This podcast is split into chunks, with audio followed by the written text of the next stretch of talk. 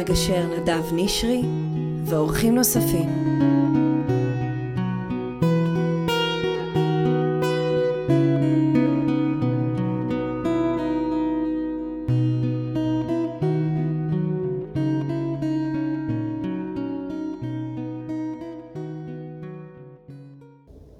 מה זה עורך דין 2.0?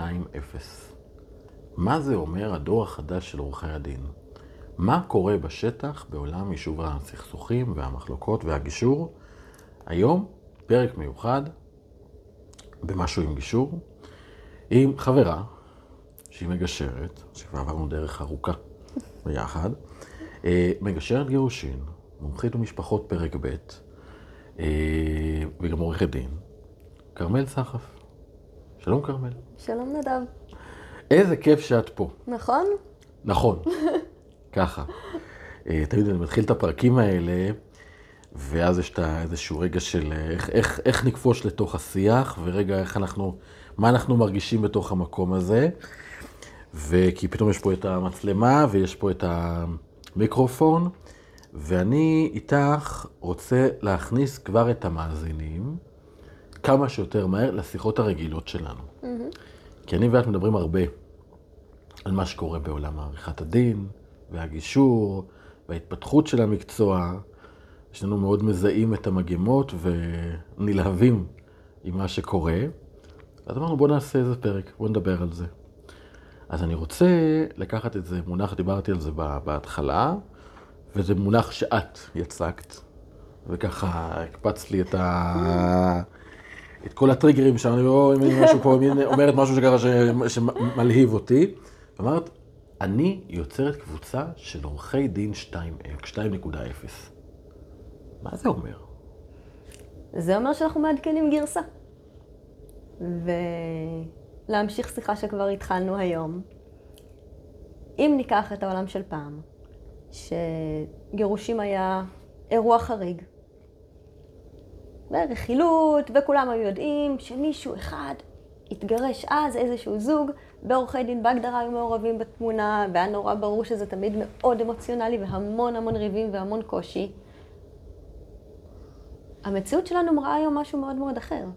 היא מראה לנו שההשתנות של המשפחה היא חלק מהמציאות היום. אם זה פרדות, אם זה נישואים מחדש. אנחנו לא בעולם שרוצה או יכול להרשות לעצמו את התפיסה הזאת של גירושים זה מלחמה. Mm. אנחנו לא בעולם שיכול להרשות לעצמו או רוצה להרשות לעצמו הורים שהם בפוסט-טראומה מהתהליך הזה וילדים שהם פוסט-טראומה בתהליך הזה. זה משפט שהוא מאוד יפה, העולם לא יכול להרשות לעצמו מלחמות גירושין, העולם לא יכול להרשות, אבל עובדה, יש עדיין מלחמות גירושין, ויש עדיין מאבקים משפטיים גדולים על חשבון הילדים. ואת כאילו אומרת איזה משהו שהוא קצת אולי, אה, לא קצת תמים? אני לא חושבת. אנחנו רואים את זה יותר ויותר, גם בפניות להליכי גישור. אני אתן לך דוגמה, אני חושבת שנתתי אותה כבר. Mm-hmm. כשאני עושה הסכמים למשפחות בפרק ב', אני אומרת להם, תנו לי את הסכמי הגירושים שלכם. שאני אראה שאין התנגשות, שהכל בסדר. מעולם לא קיבלתי פסק דין שהגיע מבית משפט. הם נותנים לי רק את הסכמי הגירושים שלהם. אה, אז בואו נחדד את זה פה למאזינים. פעם... שאנשים היו מתגרשים במלחמה, לא היה הסכם, היה הולכים לבית שופט או דיין, והם בסוף מחליטים, ויש כמה עמודים של פסק דין בנושא הזה, כמה מזונות, כמה רכוש, כמה, כמה, מהם זמני השהייה. והיום אנשים באים עם הסכמים, הסכם גירושין שלנו, 14, 15, 20 עמודים לפעמים, כי זה ספר חוקים שלם. זאת אומרת, אנשים באים אלייך עם ההסכם הזה. עם ההסכם הזה, שהם החליטו איך הם רוצים שהוא יהיה. זאת אומרת, השטח בעצמו כבר מבין את הדבר הזה. נכון. את הנתון אגב, הפורמלי האחרון שאני מכיר, אבל לדעתי הוא מלפני שנתיים או שלוש, זה ירידה של 60% בכמות התביעות. ירידה של 60%, זה לא בפחות הגירושים, זה... אנשים מתגרשים יותר, זה בשם יש גידול, אבל יש עלייה של יריד, ירידה בכמות התביעות של לפחות 60%. ושבאמת אנשים הולכים לגישור, ואז כשבאים לעשות הסכמים עם פרק ב', זאת אומרת, הנה, כבר באים עם הסכמים, לא עם פסקי דין. נכון, ואנחנו רואים את זה כבר לפני כמה שנים עם זה שהמדינה הכניסה את אה, פרויקט אה, פגישות המהות. נכון. שזה עשה שינוי מאוד מאוד גדול. נכון. ואותו דבר עכשיו גם כן עם, עם הסדר דין האזרחי, שגם בתחום האזרחי נכון. הגישור נכנס. ואז בעצם באים עורכי הדין, הצעירים והיפים והחכמים, ואומרים, רגע, אני כבר, אם אני בא ומציג, זה, זה בתחושה שלי, תקני אותי אם אני טועה, אם אני בא ומציג ללקוח, בוא להילחם, הלקוח, הוא כבר מבין שאני לא, הוא לא חייב את המלחמה, הוא יכול לייצר דיאלוג. ואז העורך דין שבאמת חושב על תורת, טובת האינטרס של, ה, של הלקוח שלו, והאינטרס של הלקוח הוא גם המשפחה שלו, ולא רק ההפרדה, ולראות רק צד אחד, אלא לראות את התמונה הגדולה. אומר לו, בוא, בוא, בוא נחפש פתרון יותר יצירתי. ופה העורך דין, שהוא בעצם האדם היחיד שיכול לייצג אדם בסמכות בחוק, פסיכולוג לא יכול לייצג. נכון. מגשר לא יכול לייצג, רק עורך דין יכול לייצג אדם מול אדם אחר, משפטית, חוקית. אז הוא אומר, אבל בוא נייצג אותך מתוך ראייה רחבה, ולא צרה של האינטרסים הכלכליים שלך, או האישיים שלך זה, ספציפית. זה אפילו לא, זה אני מפסיק לייצג את התיק, ואני מתחיל לייצג אותך. וואו. זה העניין. והרבה עורכי דין, אנחנו רואים את זה, זה אחד המקצועות שנוטשים הכי הרבה. זה אחד המקצועות הכי ננטשים. אתה מתחיל מאיזשהו מקום, מאיזשהו רצון, עם כל מיני מחשבות על צדק וסדר, מגלה שצדק יש רק בשמיים, סדר אלוהים יודע איפה, במגירת הגרביים במקרה הטוב, נוטש את המקצוע, מתחיל לחפש את עצמך מחדש, ובסופו של דבר הרבה מאוד, ואני רואה את זה, יש הרבה מאוד עורכי דין שחזרו לתוך התחום, עזבו לגמרי את המקום של בית המשפט. מאמן. עזבו לגמרי את המקום הזה, ואומרים, אנחנו חוזרים אל, אל המגע האנושי הזה, שחיפשנו אותו. איזה יופי זה. כי אני זוכר את שאני בצעירותי, אני לא יודע מה מי מאזינים אה, זוכר, אבל היה את פרקליט LA. אני חושב שהרבה מה... אחת התובנות שלי, בתוך מה שקורה פה, זה שאנחנו בערך מדברים פה לבני ה-30 וה-40, לא כולם זוכרים את התקופה הזאת, בני ה-50 גם פה, אבל כל שהם יותר צעירים, הרבה יותר, ככל שהדור יותר צעיר, ברור לו שלבית המשפט הוא לא הולך. הוא לא הולך לגוף הארכאי הזה שיחליט עבורו, שגם ככה אף אחד לא יודע מראש מה התוצאה, והם התערבו לי בחיים, מה פתאום? אז זה מחזיר לי כשבצעירותי היה את פרקליטי LA. והיה שם את העורכי דין, הם היו מעולבים, והיה להם מלא חיים ועניין, ובאמת היה שם כסף, היה, היה קסם וכסף, והיו באמת חיים טובים, אבל הם באמת לקחו מקרים, ובפרק אחד מקרים קשים, הם פתרו, באמת, וזה הרציחות ואלימות ומקרי אונס ודברים באמת שרוצים ועזרו שם לאנשים. ואתה אומר, בואנה, אני גם רוצה להיות כזה. כן, גם זה, ובעקבי סטילטו וחצאי טיפורון, מה רע לי? המודל שלי לחיי. ו... חצי, איך אמרת את זה? עקבי סטילטו וחצאי טיפורון. מה זה אומר? עקבי סטילטו.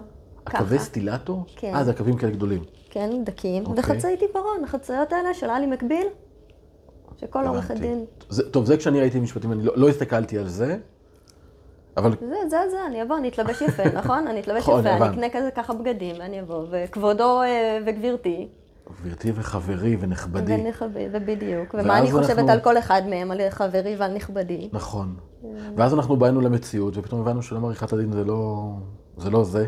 אני שיעור הראשון לימודי משפטים אמרו לי, שכח מהצדק, פה יש חוק. תעמדו, תעמדו דקה דומייה לזכרו של הצדק, לא יכול לשכוח את זה. ואז אני שומע מחבריי שהמשיכו להיות עורכי דין, אני לא רוצה להיות עורך דין. היה לי ברור שאני בא לקבל את הידע, ארבע שנים, לא הולך להיות עורך דין. ראיתי אנשים שכן הלכו להיות עורכי דין, וכמה ניירת, וכמה התעסקות, וכמה לא מה שחשבנו, לא באישה הטובה, ולא בעלי מקביל, ולא בפרקליטי אלי, זה לא מה שהיה שם. היה משהו אחר לגמרי. ואתה בא לעזור לאנשים, ואתה רואה את זה בעצם בפועל, אתה הרבה פעמים רק מראה, עושה להם נזק, כי אתה מדבר על התיק, ולא על הבן אדם, ולא על התמונה הרחבה. אבל עדיין, אני פותח את האינטרנט, ויש לי מלא עורכי דין, שמציגים את עצמם כ...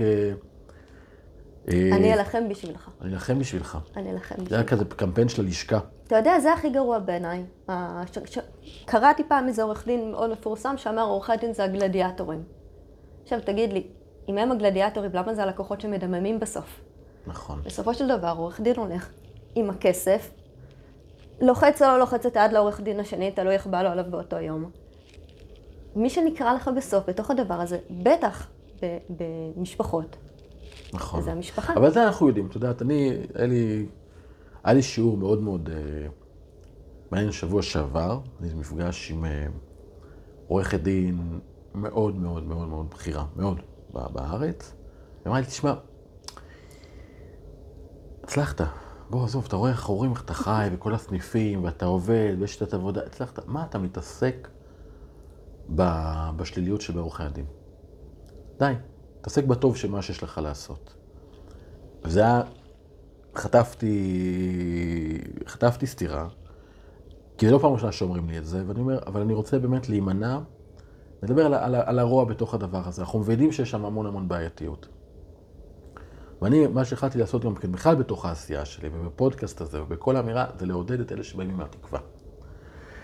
כי אנחנו מבינים את הרע שיש שם, ועדיין אנחנו מבינים שיש הרבה מאוד שמפרסמים את הרע, ואת הקושי, והמלחמה, והגלדיאטורים. אבל יש גם אנשים כמוך, שאני לא אגיד, אבל ברור שאת יכולה, היית יכולה בקלות להתקבל למשרדים המובילים. הייתי. היית שם, נכון. ולהישאר, ולעשות הרבה מאוד כסף. ולהיות ליטיגטורית, ואין ספק שיש לך את זה. ואת בוחרת לוותר על העולם הזה כדי להיות מגשרת. כדי לייצר את הטוב של האנשים. ואת אומרת, לא רק שאני אעשה את זה לעצמי, אני גם אעשה את זה עם עוד עורכי דין. וזה מעניין אותי כאן. איך, מה, מה קרה בנקודה הזאת? איך, איך זה קרה לך? התהליך הזה שלי, בדיוק מהמקום הזה, אני התחלתי במשרד מסחרי מאוד גדול, משרד מצוין. אה, היה חסר לי ההרגשה הזאת של קשר אנושי. עברתי למשרד של דיני משפחה, גם משרד מצוין. וההרגשה היא שלמרות שיש תיקים שהם תיקים מוצדקים, התהליך לא עובד נכון. התהליך לא עובד נכון. תהליך המשפטי. משהו שם, אתה מסתכל ואתה אומר, אוקיי, מצד אחד אני מאוד חדור אמונה שמה שאני עושה הוא, הוא, הוא, הוא לטובה. ראיתי את התיק, הבנתי את הנסיבות, נסיבות יכולות להיות מאוד מאוד קשות, אבל לא שיפרתי שום דבר בתוך מה שקרה במשפחה הזאת. זאת אומרת, אם התיק היה על כסף, יכול להיות שזכיתי, השגתי את הכסף. אם התיק היה על משמורת, יכול להיות שזכיתי, השגתי את המשמורת. האם שיפרתי משהו בתוך חיי המשפחה שלהם? בוודאות לא. וזאת הייתה הרגשה שלי. שהלכתי לחפש מקום שהוא מקום אנושי, ומצאתי איפשהו אפילו משהו שהוא קצת בחוויה שלי היה הפוך שם. וואו. אה, וההחלטה הזאת אחר כך של להגיד, עשיתי, באמת הלכתי ועשיתי איזשהו סיבוב מאוד מאוד רציני עם עצמי, והלכתי ללמוד וליווי רוחני והמון דברים ש... והתגעגעתי, כי אני עורכת דין. כי אני אוהבת הסכמים, ואתה יודע שאני אוהבת הסכמים. נכון. וכשהתחלתי לשאול את עצמי על, על העניין הזה, איזה מין עורכת דין מוזרה, איזה מין יצור כזה, בכלל לא הולך לבתי משפט, וגיליתי שיש כאלה. גיליתי שזאת מגמה. נכון. של עורכי דין שאמרו, אנחנו, יש לנו ידע ויש לנו הבנה, ואנחנו אנחנו רואים את המטריקס על העניין הזה של בית המשפט, אנחנו מבינים את פסקי הדין, אנחנו מבינים איך הוא חושב, מה יש שם, מה אין שם, וזה לא הכרחי. אפשר להיות עורך דין בלי הדבר הזה. את יודעת כמה אמיץ זה לחשוב אחרי 300 שנה שהשיח המשפטי פה השתלט. והוא כל כך נהיה נפוץ, וזה כל כך ברור, בטח. פעם הדור הקודם היה אומר, העורך דין שלי ידבר איתך. הייתי באיזה סדנת אה, תיאטרון, והיה שם איזה מישהו מבוגר, והיה סיום איזה ריב, הוא אמר, העורך דין שלי ידבר איתך. ואני פתאום נזכרתי, אמרתי, מתי פעם אחרונה שמעתי את המשפט המגוחך הזה? מה זה העורך דין שלי ידבר איתך? אני אדבר איתך. מה פתאום אני צריך את מישהו ידבר בשמנו, אתה הרי אתה פה מולי, בוא נדבר איתך, בוא נשב ונדבר. אבל לשבת בתוך המטריקס הזה, עם אופק כלכלי יציב, ולהגיד, אני יודעת ששם אני אשאר, אני אתפרנס. ולמדתי משפטים, אני עורכת דין, עשיתי כבר את ההסמכה. ולעשות כזה shifting, זה... יש בזה הרבה אומץ, קודם כל, זה כל הכבוד. אני חושב גם שיש בזה הרבה מאוד חוכמה. כי בפועל העולם הולך לשם. זאת אומרת, אני לא חושב שזה... זה לא... אה, זה לא מאבק... אה, זה לא סתם, זה לא, זה לא סיכון, כי, כי העולם הולך, אנחנו רואים את המגמה לגישור. ואותי זה מאוד מרגש, אני אומר את זה ואני מחפש את המילים, כי, כי האמירה הזאת, אנחנו עוד, ואת מתחילה לאסוף קבוצה מסביבך. זאת אומרת, שיש כל אחד יכול, אה, בתחום מסוים, שהוא עורך דין 2-0. כן. הוא לא בא לייצג את התיק, הוא בא לייצג את הבן אדם. ואיך החוויה שלך עם האנשים אחרים? זאת אומרת, על המגמה הזאת, איך את יכולה להפין, להפין אותה? מי הם עורכי הדין האלה? מי הם עורכי הדין האלה? Mm-hmm. בצורה זו או אחרת לכולם יש איזושהי אוריינטציה טיפולית. עורך הדין הטיפולי עולה למגרש. כולם, אלה שלא רצו להיות פסיכולוגים, אבל לא יכולים להתעלם מזה שיש מולם בן אדם בצורה הזאת. מהמם. אה, עכשיו תראה, גם כליטיגטורים, אני מכירה ליטיגטורים הגונים וטובים ושעושים את עבודתם נאמנה. זאת אומרת, זה לא שהם לא כמה קיימים. מחבריי הטובים. בדיוק, כמה מחבריי הטובים הם ליטיגטורים, שכשיש צורך אני גם יודעת להפנות אליהם. אה, וזה טוב מאוד שיש אותם, כי יש מקרים שיצטרכו את בית המשפט. אבל המקרים האלה יהיו, הם יפחתו. אני חושב שהמקרים שבהם אנשים יצטרכו את בית המשפט, זה המקום שזה אדם מול רשות. כשאני מול רשות, או מול חברה שהיא אגד של חוקים שיצאו, בסוף זה מעשה ידי אדם. אבל זו שפה שאני לא מדבר איתה. פה אני צריך מישהו שיודע לתרגם את השפה הזאת, וזה עורך הדין. מסחרי, דיני נזיקין כאלה. אבל בכל מקום שזה בני אדם, צריך שם את המגשר. עכשיו, פה נשאלת, זה, זה שם העולם הולך לדעתי, בטח עם בינה מלאכותית שנכנס, שנכנסה ונכנסת עוד יותר, ואני כל הזמן רואה פה התפתחויות, האלה, דיברנו על זה בפרקים קודמים. ו, ואני חושב שכאן, וזה זה הקושי, ש, השאלה שעולה לי, אם אני צריך את העורך דין הטיפולי, שהוא כבר בעצם, אה, הוא כבר לא כעורך דין, הוא, הוא יותר, הוא, הוא פועל כמגשר בעצם, אז למה אני צריך את עורך הדין? למה בעצם, זאת אומרת, האם עולם עריכת הדין, אם מישהו עכשיו רוצה להיכנס לגישור, הוא בכלל צריך להיות עורך דין? יש לו זה בזה ערך? התשובה שאתה תקבל ממני היא תמיד שכן. תסבירי למה. בואי נדבר, על לא, זה. אבל אתה ואני יש וזה לנו... בסדר שיש לנו מחלוקת. אתה ואני יש לנו מחלוקת על ידע. יאללה, הדעה שלי היא שידע הוא תמיד טוב. מהמם. מה עושה אותו בפועל מזיק או מועיל? העניין של החוכמה. תסבירי, זה משפט שנראה לי שיש לו עומק. החוכמה היא איך אני משתמשת בידע שלי. מתי משהו שאני יודעת, איך אני, איך אני מיישמת אותו בצורה שתועיל לתהליך ואיך לא. אבל התשובה היא לא להיות בור. אם אין לי את החוכמה למתי אני משתמשת בידע ומיישמת אותו בצורה שהיא מועילה לתהליך, אני צריכה לפתח את החוכמה, לא להימנע מהידע. אני מאמינה שהידע הוא תמיד כלי. אם הוא הכרחי למג- למגשר דווקא, מהמם. הוא לא, אבל למה אני יש כן. לנו מחלוקת במקום הזה? כי אם הבנתי אותך נכון, אה, ידע יכול להיות מכשלה. אוקיי, אז אני אתקן את עצמי במקום הזה. אני גם חושב שידע הוא כוח. אני פשוט עושה הרבה הבדל בין הידע, ואנחנו בעיקר מדברים על סוגיות בתחום המשפחה, על מזונות, זמני שהייה ודברים שכאלה, נושאים שכאלה. כי הרבה פעמים אומרים לי, מה הידע? ואני יודע, ואני יודע מה יגידו לה, ואני יודע מה יגידו לו. שזה מה שצריך מגדרי. לדעת. מה יגידו לה ומה יגידו לו. נכון, אבל אני מראש יודע שזה לא, שזה יהיה סתירה. ואז אני רוצה, אם זה המקום באמת של החוכמה. זה שאני יודע, זה לא, אני יכול לנפנף את זה בקלי קלות. גם אגב, אלף שקל לפה, אלפיים שקל לשם, זה לא באמת משנה. כי משנה בסוף מבחינתי בתהליך להחזיר אותם מהשיח המשפטי לשיח המשפחתי. ואז הידע, אין לי באמת אם זה 500 שקל לפה, 600 שקל לשם, שזה בכלל לא הסיפור הרי, כי זה לא בסכומים, זה בכלל מדברים בכותרות הרבה יותר מופשטות. זה לא מקדם אותם לשום דבר. אני למדתי שבתוך התהליך, ככל שנכנס לתוך הפרטים הקטנים האלה, אז אני מאלץ אותם להיכנס יותר לפינה ול- ולה- ול- ולהקשות עליהם. ולכן אני מאוד בתהליך ומדבר על ה... וזה המקום של החוכמה. אז אין לנו פה מחלוקת. ואני גם, נקודת המוצא שלי, היא שתמיד יש ידע שאני לא יודע אותו. כי מה לעשות, אני לא... לא אני לא יודע הכל. אמא שלי אומרת שאני חכם ונבון. אבל אני, אבל אני זה אני. ובטח כשאני עושה בגישורים עסקיים, משפחה בטח, יש המון המון מקום, יש לי המון ניסיון והמון ידע. כשאני, בא- אבל כשאני בא לגישור עסקי, ואני חושב שאני יודע משהו, תמיד יושב לי בחדר מישהו שיודע יותר טוב ממני. אז הידע מבחינתי זה לא הדבר הכי חשוב. מבחינתי המטרה היא לדעת לייצר ביניהם את השיח. נכון. עכשיו, אם יש ידע, יש לי בינה מלאכותית, יש לי ידע מקצועי, יש לי עורך דין אם צריך, שאני יכול לקחת ממנו את הידע. אבל זה לא הקלף החזק שלי. התחושה שלי היום של להיות עורך דין, נגיד את זה ככה, זה בעיקר עניין שיווקי. כי המגמה היא לעולם הגישור. עכשיו, מי שעורך דין, הציבור עדיין, הרבה מהציבור חושב שרק עורך דין יכול להגיד לעשות הסכם.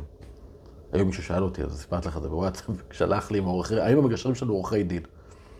ואני כתבתי לו, לא, מה פתאום? למה שהם עורכי... לא אמרתי, זה כבר מצחיק אותי השאלות האלה. כי עכשיו, אני יודע שאנשים חושבים שרק עורך דין יכול לעשות הסכם. ולא, נכון, מעולם לא היה. יש כאלה שחושבים שרק עורך דין יכול לחתום על הסכם. מעולם לא היה. כל מיני משפטי מכירה שאמרו נכון. לאנשים שפשוט לא רלוונטיים. צריך שהמגשר ידע לעשות את התהליך, וגם שידע לכתוב הסכם. זה אני חד משמעית אגיד. מגשר שלא יודע לכתוב את ההסכם, זה אומר שאין לו מספיק ניסיון.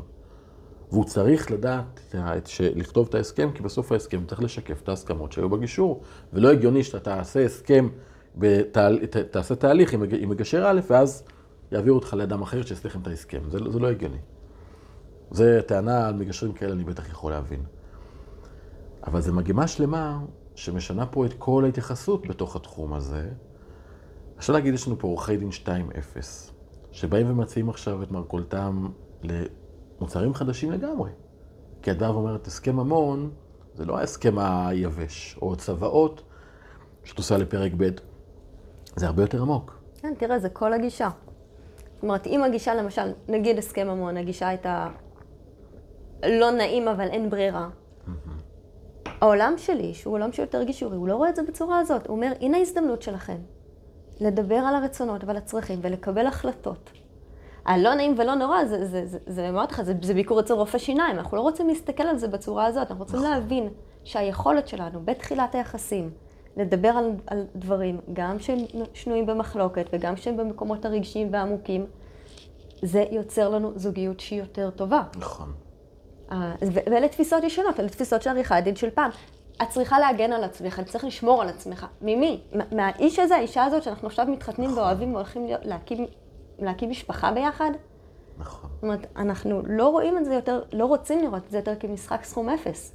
יש לנו כאן בית, יש לנו כאן זוגיות, אנחנו מגדילים את העוגה, בואו כל כך נראה. הרבה אפשרויות. אתה יודע, אני חתומה על הסכם ממון. כי אני אמרתי לבן זוג שלי, לתומר, עברנו לגור בבית שהוא שלי, ואמרתי, טוב, יש גבול כמה הסנדלר הולך יחף, כאילו, אני יודעת איך זה עובד, כן, אה, חזקת השיתוף, נכס חיצוני. אמרתי לו, בוא נחתום, והוא אמר, שום בעיה, מה שתרצי. והשקט הנפשי הזה, וה- והתחושה הטובה הזאת, שאני אומרת לבן הזוג שלי, מה חשוב לי, והוא במקום או להיעלב או להגיד לי, יהיה בסדר, אומר, מה זאת אומרת? ברור שאני אתחייב לך על העניין הזה, לא משנה מה יקרה בינינו. זאת, זאת התפיסה החדשה. אנחנו בוחרים כאן את החיים שלנו, ואנחנו מספיק אוהבים בשביל להתחייב על הדבר הזה. נכון. זה לא ההפך ממחויבות, זה לא המחשבה על איזשהו עתיד שחור, זה להפך. וזה גם בא בתוך תהליך. אנחנו עושים את זה אצלנו ה- בהסכמי זוגיות, שבעצם מדברים גם על הכל, ואיך זה ייראה, והשיתוף פעולה, ויש שיח שהוא לא רק איך, מה יקרה אם ניפרד, חס. וחלילה, אלא איך לא ניפרד, ומה צריך לעשות. שיח שהוא כל כך הרבה יותר מאפשר. ובמקום הזה, אני, אבל לך לעורך דין של פעם, אין לך דבר כזה. אין דבר כזה. אין לך דבר כזה. הסכמים, זה טכני. יש הסכמים שאני מקבל מעורכי דין, שמוחקים לי, את יודעת, אצלי בהסכמים, וראית, לפני שנפגשנו כבר קראת כמה וכמה הסכמים שלי. ומוחקים לי את כל המשפטים של ה... יכבדו אחד את השני. זה לא אכיף. זה לא אכיף. זה לא אכיף. כן, מה זאת אומרת? אה, ידברו בכבוד למשפחה המורחבת. עכשיו, ואומרים, זה לא משפטי, תמחוק את זה. עכשיו, ואני אני מזדעזע במקום הזה, כי גם אלה, יש גם כאלה שעשו את זה בתרגילים, שהם לא מוחקים את זה בגרסת שימון, אה, אה, לא. שמירה על תיקונים, אלא כאילו במחיקה עם, עם, עם עט. ואז כשמישהו, הצד השני, שולחים את זה לצד השני, והוא רואה שאת המשפטים האלה שהם הכי מגדירים איך החיים ייראו, מוחקו אותם. לדבר בכבוד, מחוק. שרואים את המחיקה, וזה מעורר, מה זאת אומרת? אבל היינו בתהליך שלם, עשינו ילדים ביחד, מה זאת אומרת? מה, אנחנו לא נדבר אחד לשני בכבוד? ופה הקושי הזה, עכשיו יכול להיות שבאמת העורך דין אומר זה לא אכיף, אז מה? צרף את זה כאמנה בצד. אבל זה בדיוק העניין של האזמה. אנחנו לא עושים כאן משהו שהוא משפטי, אנחנו עושים פה משהו שהוא משפחתי. נכון. ההסכם בסוף הוא. צריך לקבל תוקף, כי, כי זה החוק. וזה בסדר ששופט או דיין יראו את ההסכם, יוודאו עם הצדדים שלא נעשה בכפייה, ושלא פגענו בילדים, ושהכול ברור להם, ושיחתמו עליו. זה כל התפקיד שלהם, צריך לזכור את זה. הם לא... לפעמים הם זורקים אמירות שאחרי זה היה עדיף שלא, כל מיני, ידע, ידעת שיכולת פה, ידעת שיכולת כאן, יכול... שלמה? למה להכניס את הטריזים האלה? אתה יודע למה? למה? כי מי שחי בבתי משפט, החשיבה שלו אדברסרית בצורה אה, אינהרנטית. זה העניין, זה בעיה. המעבר הזה. זה ההבדל בין, אני גם ליטיגטור וגם מגשר, שאני אני לא יודעת איך עושים את זה בלי פיצול אישיות. נכון. מעולם לא הבנתי איך עושים את זה בלי פיצול אישיות. לבין, אני, נכון. אני לא רואה יותר חשיבה לעומתית. אני רואה את זה בהוליסטיות, לא הפרדסחנאית, בהוליסטיות האמיתית של אין לי כאן יותר צדדים מנוגדים, גמרנו עם התפיסה הזאת. נכון. ושופט שהוא כל היום רואה צדדים מנוגדים, זה נגד זה, יחשוב קופץ זה. לו, הוא לא שולט בזה. באמת הגיע הזמן לעשות בית משפט רק לאישור ההסכמים. תשחררו את האנשים מהשיח, זה, זה לא צריך להיות אותו בן אדם. מי שעסוק בתוך הרפש הזה של מלחמות קשות, אלה שבאים בצהריים לבתי המשפט. אנחנו תמיד ההסכמים שלנו זה בבוקר. אישור מהיר, בואו שלא תראו מה קורה בצהריים. מזמינים אליהם אותם כן, מוקדם. זה תמיד ככה. כזה, בואו, תחתמו ולכו. עשר דקות, לכו הביתה, כל הכבוד, תשמרו על הילדים, ככה הם אומרים להם, כל הכבוד שבאת עם הסכם מוכן, סעו לשלום. ובצהריים, ומי שצריך ללכת לראות את התיקים האלה, ש- שיהיו שם. אתם יודעים, באמת, אולי באמת המערכת גם צריכה להתאים את עצמה. לא נכתוב על זה באמת משהו. כן, ל- היא נורא מיושנת. יש עכשיו, מודעות דווקא יותר, אני יודע, בממשלה, בממשלות, תמיד כבר מדברים על, מבינים שיש פה צורך. ובאמת, למה להכניס את האנשים שבאים בטוב, ומבינים שהם לא צריכים להילחם אחד בשני, גם כשקשה לנו, גם כשאנחנו בתוך פרידה. עדיין, בואו נדבר עם ההורה השני, בואו נייצר את הדיאלוג, ואז רק יהיה פה אישור פורמלי להסכם הזה. את יודעת מה, נספרת, לא נספרת לך, אבל הייתי ב... לא מותר לי להגיד, מה אכפת לי? הייתי ב...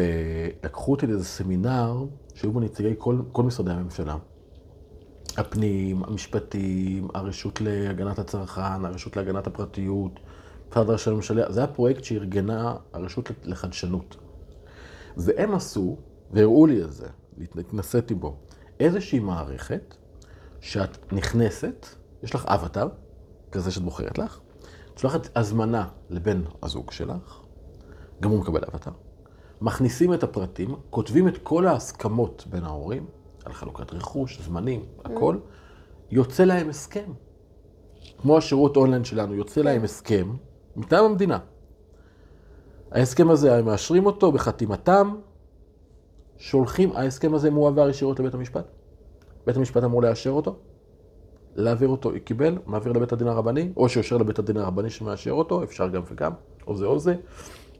בית הדין הרבני קובע את הטקס, עושים טקס, אני לא יודע אם אפשר את זה בזום או לא, שבאים פיזית, ומועבר ישירות למשרד הפנים. כל זה הממשלה נותנת לציבור. זה קיים כבר? זה עוד לא? אז ראיתי את הפיילוט, באנגליה אני יודע שזה קיים, אנגליה המערכת, את לא צריכה שום דבר, יש מערכת, תכנסי, תכניסי פרטים, תקבלי את זה. גם בארץ מתישהו זה יהיה, זה השירות אונליין שלנו היום זה כזה, את נכנסת, עושה פגישת זום, מקבלת שאלון, כמה מאות שאלות, מסמנת, הופ, send, קבלי הסכם, שעה עוברים עליו, לכו תגישו אותו. אין סיבה שלא. ועכשיו, ככל שיהיו יותר עורכי דין, כמוך, שהם, זה גדל, זה קשה לקרוא לך עורכת דין. אני אגיד לך את האמת, כי את מגשרת. אתה יודע שבמסחרי למשל, יש לך עורכי דין שלא יודעים איך נראה בית משפט. עורכי דין מסחריים לא יודעים איך נראה בית משפט, נכון. וזה נראה מאוד הגיוני. נכון. במשפחה מאיזושהי סיבה, בית משפט סיבה. דרך המלך. איזושהי סיבה. סיבה ידועה לכולנו. פרנסה. תחום המשפחה הוא התחום הכי... אבל אמרתי, אני לא בא לדבר סרה, אני בא לדבר על הטוב. ובטוב, אנחנו רואים מכל הסיבות שהיו, הן כבר לא רלוונטיות. והיום הציבור יודע, יכול לבחור. ו... ואני רוצה להגיד, קודם כל, לכל העם, מי ששומע אותנו, שקודם כל, אם אתם עורכי דין, או חושבים על התחום, אז כדאי שתכירו את המגמה הזאת שכרמל פה מבשרת עליה, של עורכי דין 2.0, ושתכירו מה קורה. ולפני שרצים לשלם אה, עשרות אם לא מאות אלפי שקלים על תארים, תבינו, בשטח, לעולם הגישור אנחנו בצמיחה אדירה, וזה לא עריכת דין, יש ידע טוב. אולי אנחנו נגיד שאנחנו עכשיו הולכים לפתוח גם קורס של פרקטיקום אזרחי, שבו אנחנו גם הולכים ללמד את מה שצריך בידע גם המשפטי כמגשרים. זאת אומרת, אני לא מצפה, אני מצפה כן שלמגשר יהיה את הידע במה זה דיני חוזים, מה זה דיני חברות.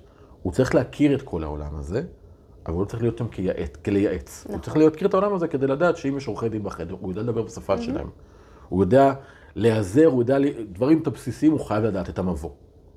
אז זה קורס שאנחנו נפתח בחודשים הקרובים, לאנשים שאולי חשבו להיות עורכי דין, אבל לא רוצים להיות עורכי דין, רוצים להיות מגשרים, אבל הם כן רוצים את הידע. אז לא יצטרכו לשלם את המאה אלף שקל לתואר הזה, ויהיה לה הרבה הרבה, הרבה פחות. ומסלול אחרי זה שגם אנחנו נכניס את האנשים לתוך התמחות בתוך גישור אזרחי, כי זה העתיד, בארץ ובעולם.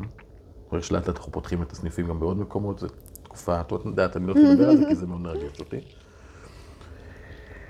ולהגיד לאנשים, תתחילו להסתכל, והעולם השתנה.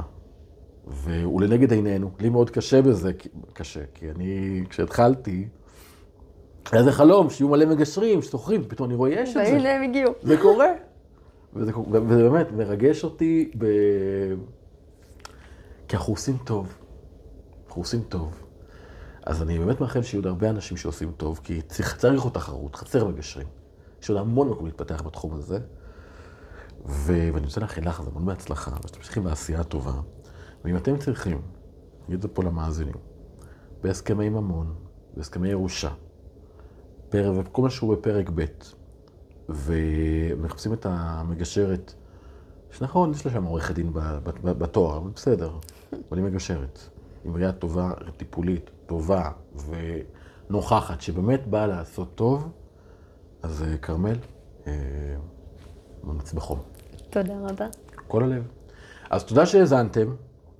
אה, כי אנחנו מדברים כל הזמן, יש כל כך הרבה להגיד, כל כך הרבה נושאים, אבל לא, אני, מתפז... אני ממוקד, כי אמרנו היום עורכים, עושים עורכי דין 2.0. אז אני רוצה לבקש מהמאזינים לשתף ולדרג ולהפיץ. השפה הזאת, הכלים האלה, זה עובד כי אנשים מעבירים את זה הלאה. אה, ואני מקבל טלפונים מאוד מרגשים מאנשים שנמצאים במקום מאוד בעייתי. ואז אני שמח, והם שמעו את הפודקאסט ומקבלים כלים, אז תפיצו את זה להם, תשתמשו בזה. ותדרגו אותנו, ושימו לייק ותגובות וכל מה שאפשר בבקשה לעשות, כי אין מה לעשות בעולם הרשתות החברתיות. אנחנו לא בממסדי, תקשורת ממסדית היא לא, לא מודעת למה שקורה בשטח, מאוד מיושנת, והכל קורה היום ברשתות, והכל קורה בשטח, אה, מאוד חזק, בצורה מדהימה. אז אה, פשוט תעזרו להפיץ את זה, זו הבקשה שלי לכם, ו... ונתראה בפרק הבא. נשתמע.